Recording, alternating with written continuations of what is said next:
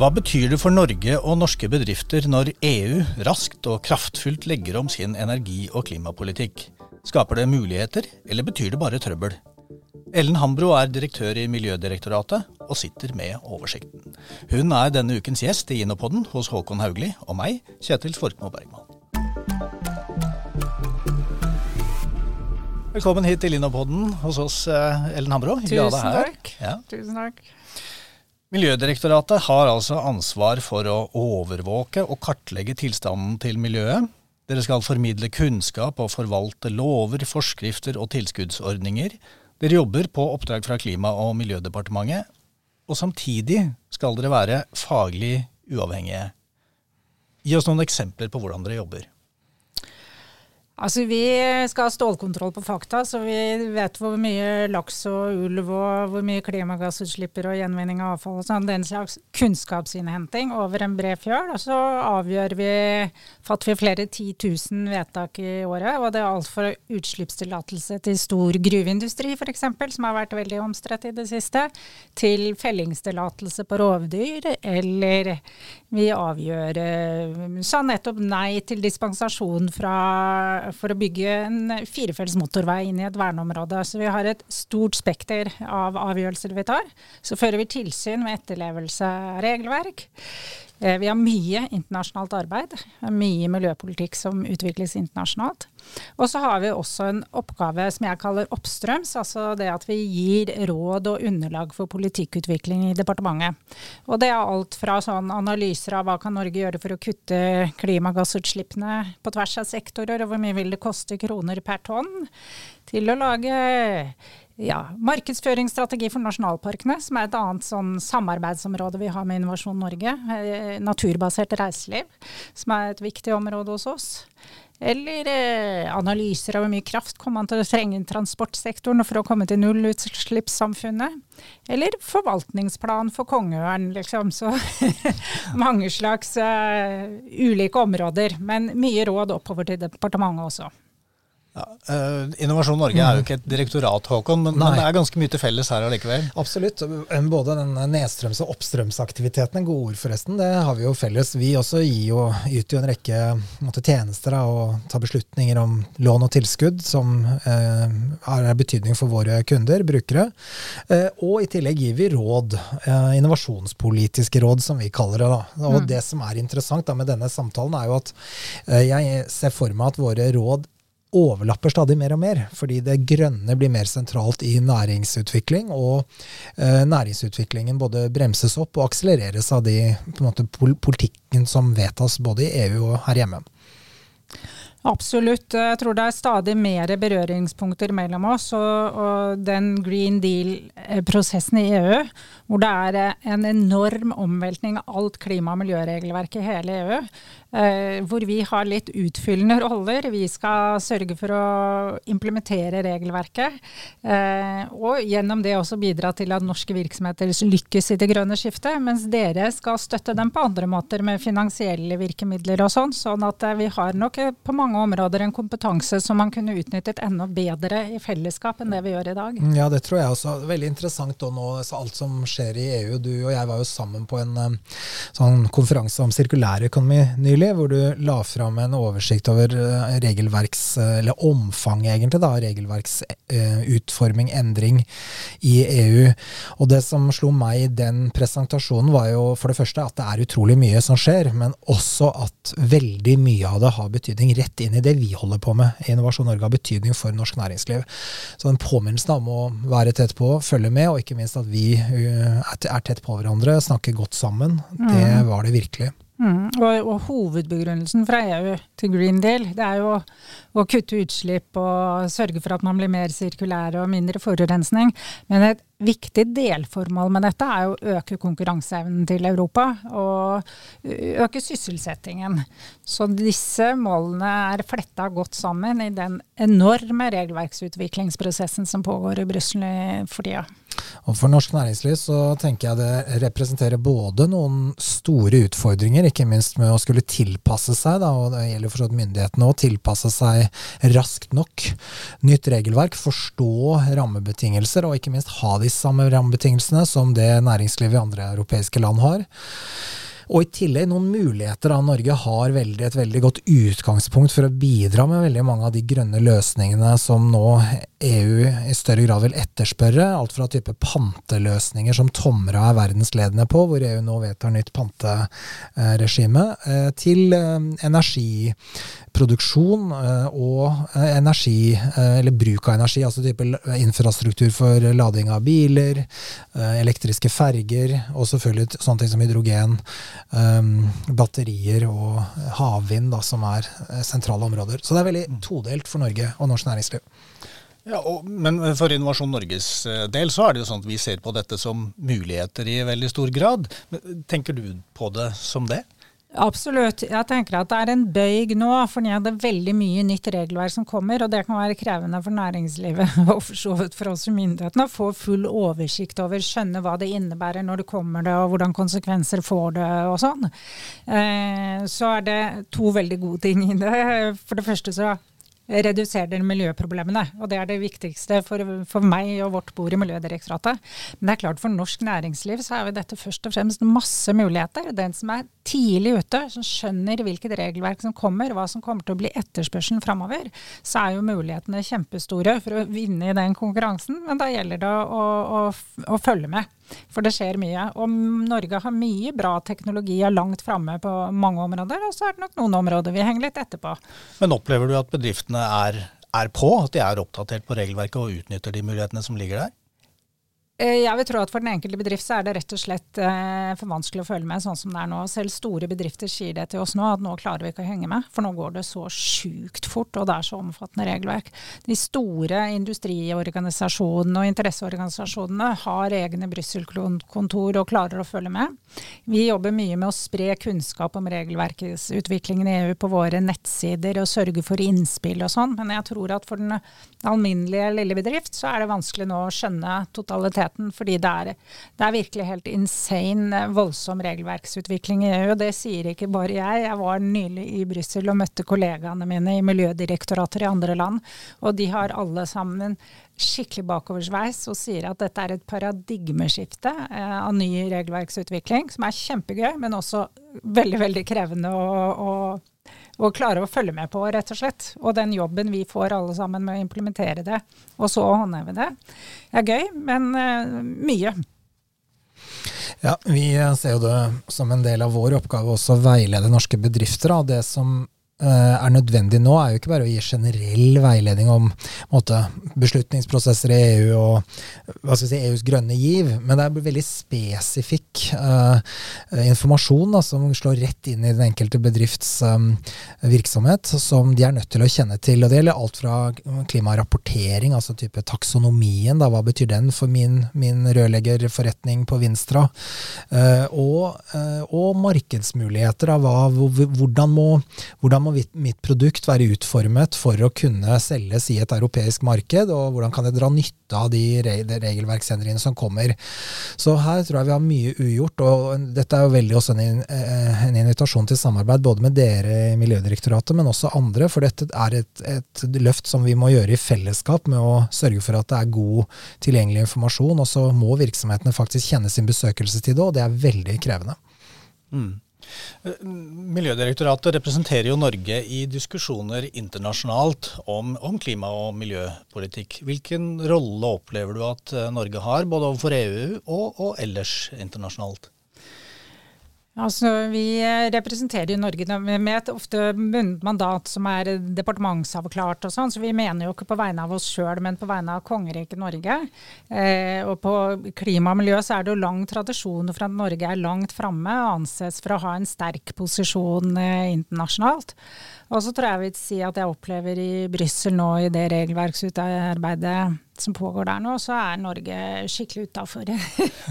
Rett og slett. Vi er ikke medlemmer. Eh, og selv om vi deltar i ekspertgrupper og sånn sett, så er kommisjonen lytter like mye til flinke folk, uavhengig om de kommer fra Norge eller et annet land, så lenge man har noe vettugt å komme med.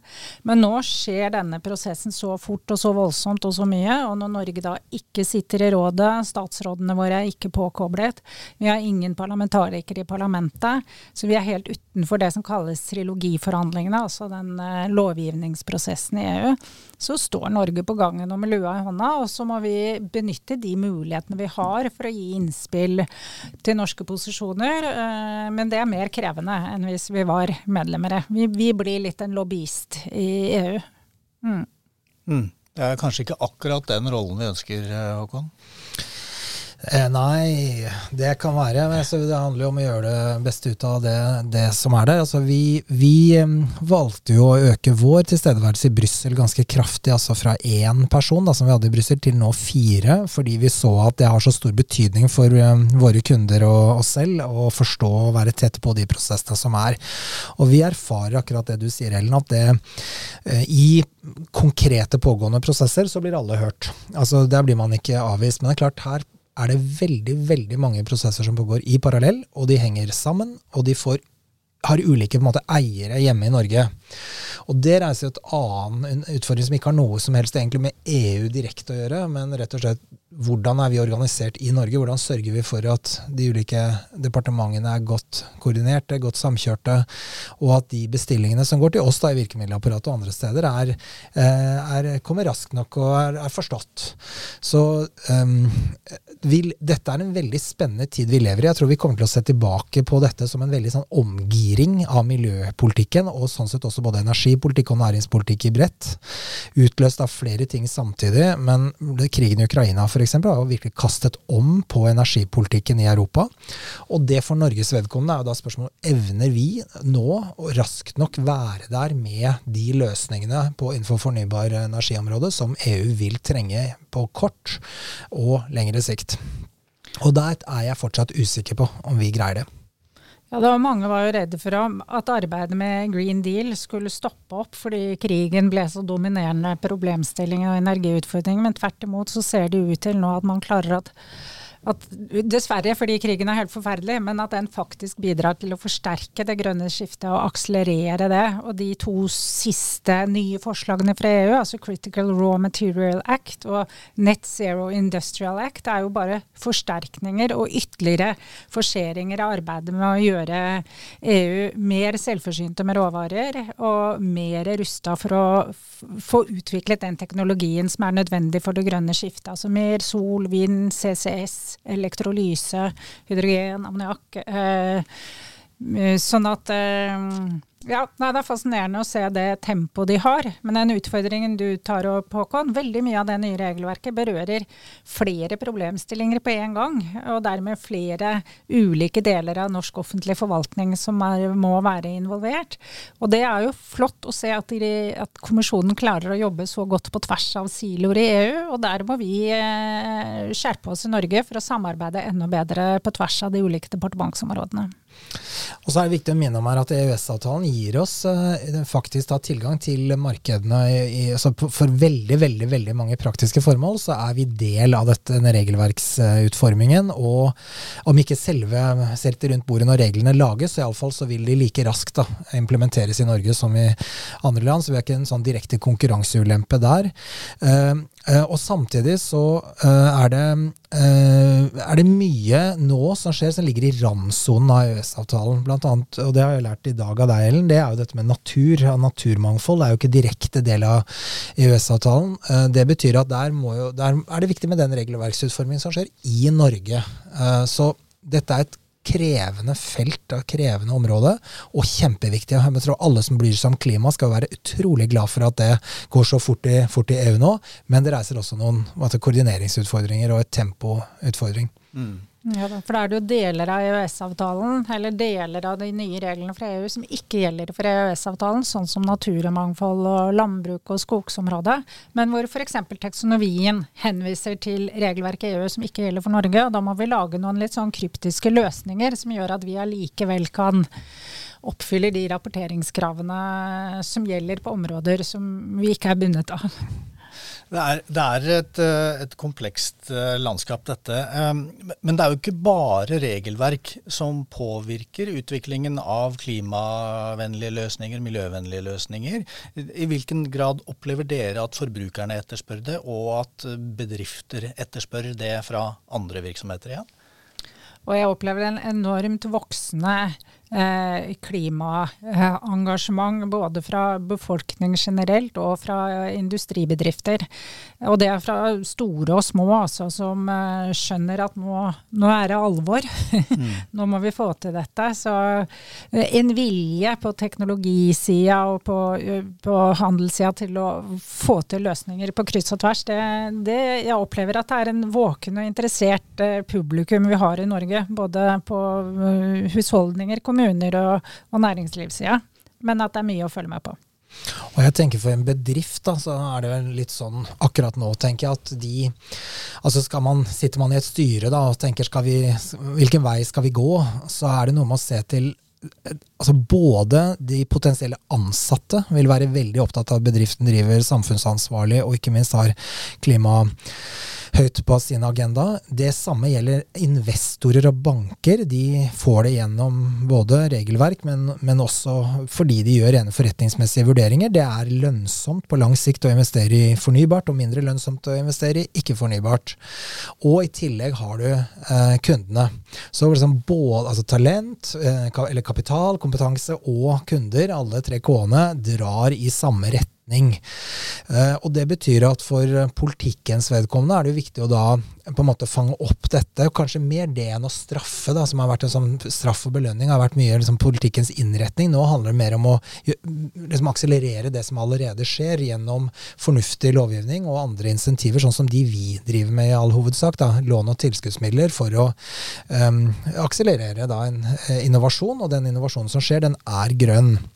Og det er interessant. Der har vi sett et taktskifte i vår portefølje i løpet av de siste fem årene, kanskje litt mer, syv kanskje, fra at eh, vi klassifiserer, vi bruker noe som heter miljøkrysset. Det er ikke supervitenskapelig, men i hver søknad så ser vi på har dette prosjektet en positiv effekt da, på enten natur eller klima eller ja, det er mange ulike alternativer, men grønt i hvert fall.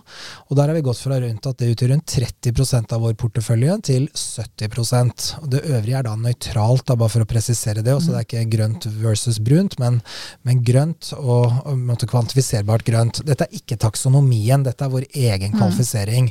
Taksonomien vil ha strengere krav. Men likevel så uttrykker det at et norsk næringsliv 20, på 2020-tallet er i en kraftig dreining i retning grønt. Ikke fordi politikerne eller våre oppdragsgivere har stilt krav om det, men fordi næringslivet selv driver med den type innovasjon. Ja da, jeg opplever jo at fra fra gamle dager hvor vi i miljømyndighetene var de eneste som dro i dette, eh, og det var mye pisk, så er det mye mer både støttende virkemidler på, for å få til de gode miljøvennlige løsningene, fordi alle skjønner at det er nødvendig, men at det er veldig mye som også i større grad blir etterspørseldrevet, uavhengig av eh, om vi svinger pisken eller ikke. Og det er jo veldig bra. Da får du en sånn dynamikk i markedet som hele tiden trekker i riktig retning. Og det er jo det geniale med taksonomien, at man sier at man kan ikke bare stimulere fram det grønne skiftet gjennom statlige virkemidler. Man må mobilisere den private kapitalen som den går i riktig retning. Og det tror jeg både taksonomien og det kommer også et nytt regelverk, Sustainable Reporting Directive, som forsterker denne plikten næringslivet har til å redegjøre eh, på en ordentlig måte for om de er bærekraftige eller ikke. Og da kommer det ikke til å bli mulig med noe sånn eh, gloss i bærekraftsrapportering og grønnvasking. Nå kommer det liksom steinharde krav. Sånn skal du fortelle, og det blir helt nødvendig for å vinne fram i markedet. At du har reelt gode, bærekraftige løsninger. Men til tross for den uh, utviklingen som dere for så vidt begge beskriver, så er det ikke så veldig lenge siden du hadde en ganske stor, og, og, og direktoratet da, hadde en ganske stor og, og, offentlig diskusjon med Equinor om utredning uh, av et prosjekt. Eh, og vi, vi, skal ikke gå inn i detaljene i det, men, men Opplever dere, til tross for utviklingen vi ser, at, at bedrifter til tider ikke tar kravene dere stiller ordentlig på alvor? Nei, altså Vårt hovedinntrykk Vi fører jo også tilsyn med etterlevelse av et bredt miljøregelverk. Og vårt hovedinntrykk er at de aller aller fleste virksomheter i Norge de følger kravene og ønsker å følge kravene. Og så er det noen som slurver bitte lite grann. Eh, og så er det noen veldig få som bevisst bryter reglene.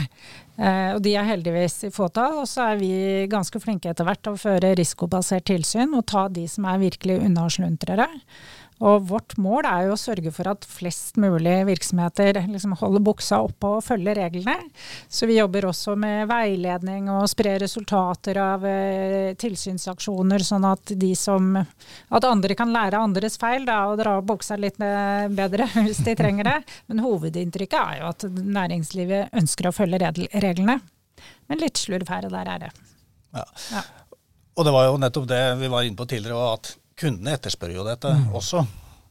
Um, ja, og vi er over et vippepunkt. Jeg tror det er en sånn observasjon at det, ja, det etter mitt personlige oppfatning så kommer det kanskje 20 år for seint. Det, det, det, er en utfordring. Men vi er over det vippepunktet. Um, bevisstheten er der i næringslivet. Kostnaden ved å investere i fornybar energi er nå mye lavere. Dvs. Si at det er konkurransedyktig. Og, altså, sol er vel den mest lønnsomme energiformen nå. da. Uh, og det, Sånn var det ikke før. Og på en rekke andre områder, så, altså type overgang til sirkulærøkonomi, så kommer nå det regelverket som, som, er nødvendig for å utløse det. Men det kommer for sent, og spørsmålet er om vi har tid nok. da. Og det gjør jo at vi står opp hver eneste dag og tenker vi har en kjempeviktig jobb å gjøre, fordi det haster. Mm. Uh, dere opererer jo da i, i dette grenselandet mellom, mellom, politikk og myndigheter og, og fag. Og, og, Det gjør at det hadde vært veldig spennende å høre med, med deg. Hva ville du ha sagt til statsministeren eh, hvis du ble stående med ham i heisen og, og fikk noen minutter der? Mm, jeg tror jeg ville benyttet anledningen til å snakke litt om, med han om det vi snakket om nå. Altså det grønne skiftet. Og jeg, dyp respekt for statsregjeringen. Han har sikkert full oversikt over alt som skjer på det grønne skiftet i EU. Men det er altså et så enormt dundrende godstog som går i EU, som dominerer politikken både på, på ikke bare på klima, da, men på hele fjøla i EU.